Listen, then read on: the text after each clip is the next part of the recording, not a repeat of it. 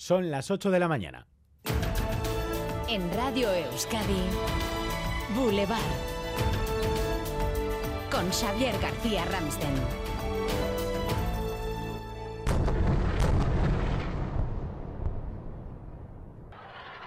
¿Qué tal, Egunon? Segunda noche de ataques de Israel a la franja de Gaza. Siguen los bombardeos y, según informa esta mañana el Washington Post, podría estar ya preparándose una invasión terrestre de Israel a Gaza en 48 horas. Se vive aquí eh, una situación eh, humanitariamente eh, difícil, ya que alrededor de 200.000 personas se han quedado sin hogar.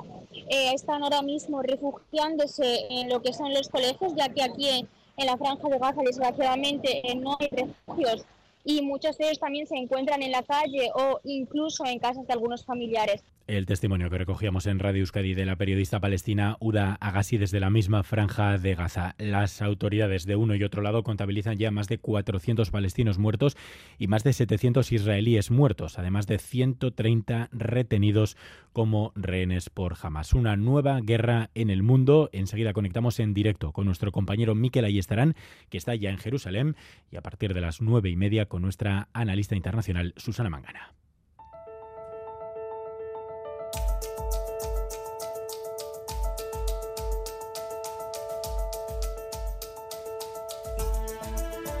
Aquí en casa seguimos cerrando nuestras heridas. En Radio Euskadi, Sara Buesa se refería ayer al ataque a la tumba de su padre, Fernando Buesa, y lanzaba este mensaje a la izquierda Berchale.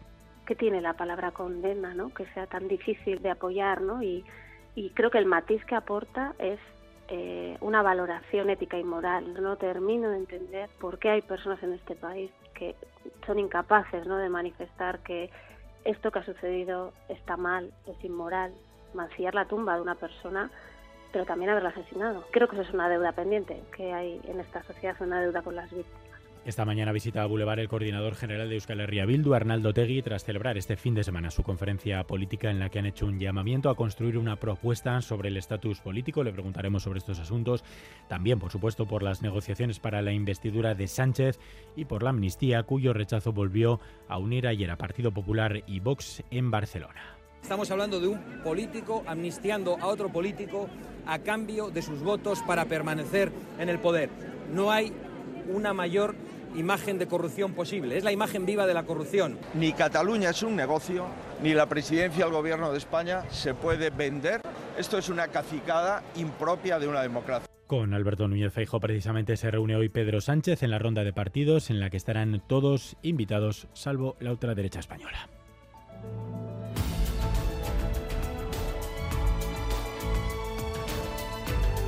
Y Confebas celebra hoy su 40 aniversario. Es un paso importante, un paso que nos satisface enormemente y creo que de alguna manera responde a las exigencias un poco sociales, no solo de los empresarios, sino de las propias José María Vizcaíno en 1983 fue el primer presidente de Confebasc. Hoy acto al máximo nivel en el Museo Guggenheim de Bilbao. Laida Basurto. Con la presencia del Endacari, el rey de España y la vicepresidenta Nadia Calviño, evento para repasar la andadura de Confebasc desde su fundación en el año 83. 40 años de andadura, muchos bajo la amenaza de ETA y como interlocutor único del empresariado vasco ante la administración vasca y también ante los sindicatos con los que ha mantenido fases de acuerdos y de confrontación. Hoy arranca precisamente el otoño caliente de los sindicatos. Hoy, mañana y pasado huelga en las ambulancias de Euskadi y el día 25 la primera de las dos huelgas para todo el sector público vasco, unas huelgas estas últimas que no comparte el líder de UGT, Raúl Arza, ayer en Crónica de Euskadi fin de semana.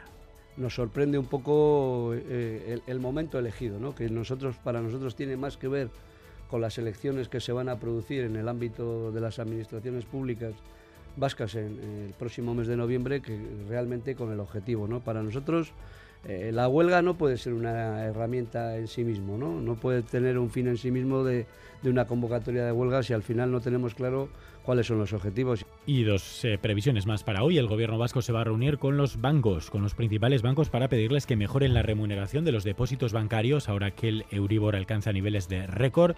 Y hoy además arranca la campaña de la vacunación de la gripe y la COVID. Enseguida, en unos minutos, la unidad móvil de Radio Euskadi en directo desde un ambulatorio para ver cómo arranca. Y noticia del día también, la muerte de un joven vecino de Vera en Navarra al explotarle la batería de un dispositivo electrónico. Ari Chaguirre. El joven fallecido de 25 años estaba echando la siesta cuando explotó el dispositivo electrónico que tenía cargando en la mesilla. La deflagración originó una llamarada que alcanzó el cabecero de la cama y el colchón. El joven ha muerto por las graves quemaduras, la intoxicación por el humo y una parada cardiorrespiratoria. Estaba encerrado en la habitación con el pestillo echado. Allegados y sanitarios intentaron reanimarle, lo trasladaron en helicóptero de Vera a Baracaldo hasta el hospital de Cruces, pero llegó en estado muy grave y falleció al de pocas horas. No explotó su teléfono móvil como se pensó en un principio, sino un dispositivo electrónico que tenía cargando, al parecer tras un cortocircuito en el cargador. Titulares del deporte, Álvaro Fernández Cadierno, ¿algún Hola, Gunón. Punto final a la novena jornada de Liga antes del parón con la polémica derrota de la Real 2 a 1 ante el Atlético de Madrid y el empate del Alavés en casa a 1 frente al Betis. En segunda, Morevieta 1, Eibar 2 otro partido con protagonismo arbitral. Y en la Liga F, Barça 3, Real 0, Eibar 0, Granadilla 1. Hoy se juega el Athletic Sporting de Huelva. En baloncesto, victoria de Basconia en Granada y de Bilbao Basket en Miribilla frente al Murcia. Y en el 4 y medio, Salaverría 22, Urruti 14, Peña 22, Elezcano 5. Boulevard. BRTA, Alianza Vasca de Investigación y Tecnología te ofrece el tiempo. Pues arranca una semana corta para los afortunados que tengan festivo el jueves y una semana que va a estar marcada por el sol y por el calor, de nuevo, al menos hasta el fin de semana. Previsión para hoy, Euskalmet, Busquiña y Turrio, Cegunón. Egunon, empezamos el día con ambiente fresco en el interior. En algunos puntos la temperatura ha bajado hasta los 5 grados y apenas se ha formado bruma. El resto del día estará soleado con algunas nubes altas. Por la mañana soplará el viento del sureste suave y durante la tarde girará nordeste empezando por el litoral.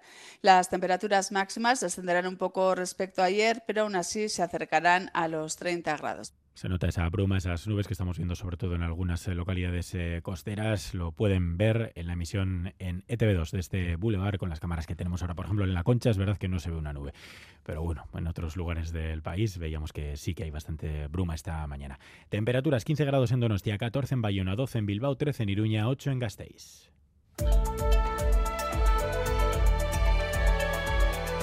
Boulevard. Tráfico. ¿Leire algún problema en carreteras? El Departamento de Seguridad pide precaución en Amorebieta, en la Nacional 634. Se ha registrado un accidente de chapa entre dos vehículos en sentido Bilbao. Y en las curvas de Zorroza, en la A8, nos indican que se ha retirado ya el vehículo averiado en sentido Baracaldo. Pequeñas y medianas empresas, ¿sabéis que podéis innovar en vuestros productos y procesos y que para ello tenéis a vuestra disposición 17 centros de BRTA? Porque innovar es cuestión de carácter, no de tamaño.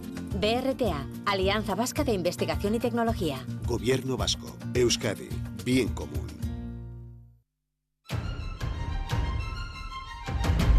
Recupera los contenidos de Radio Euskadi en la web eitv.eus y en la app EITV Nayeran.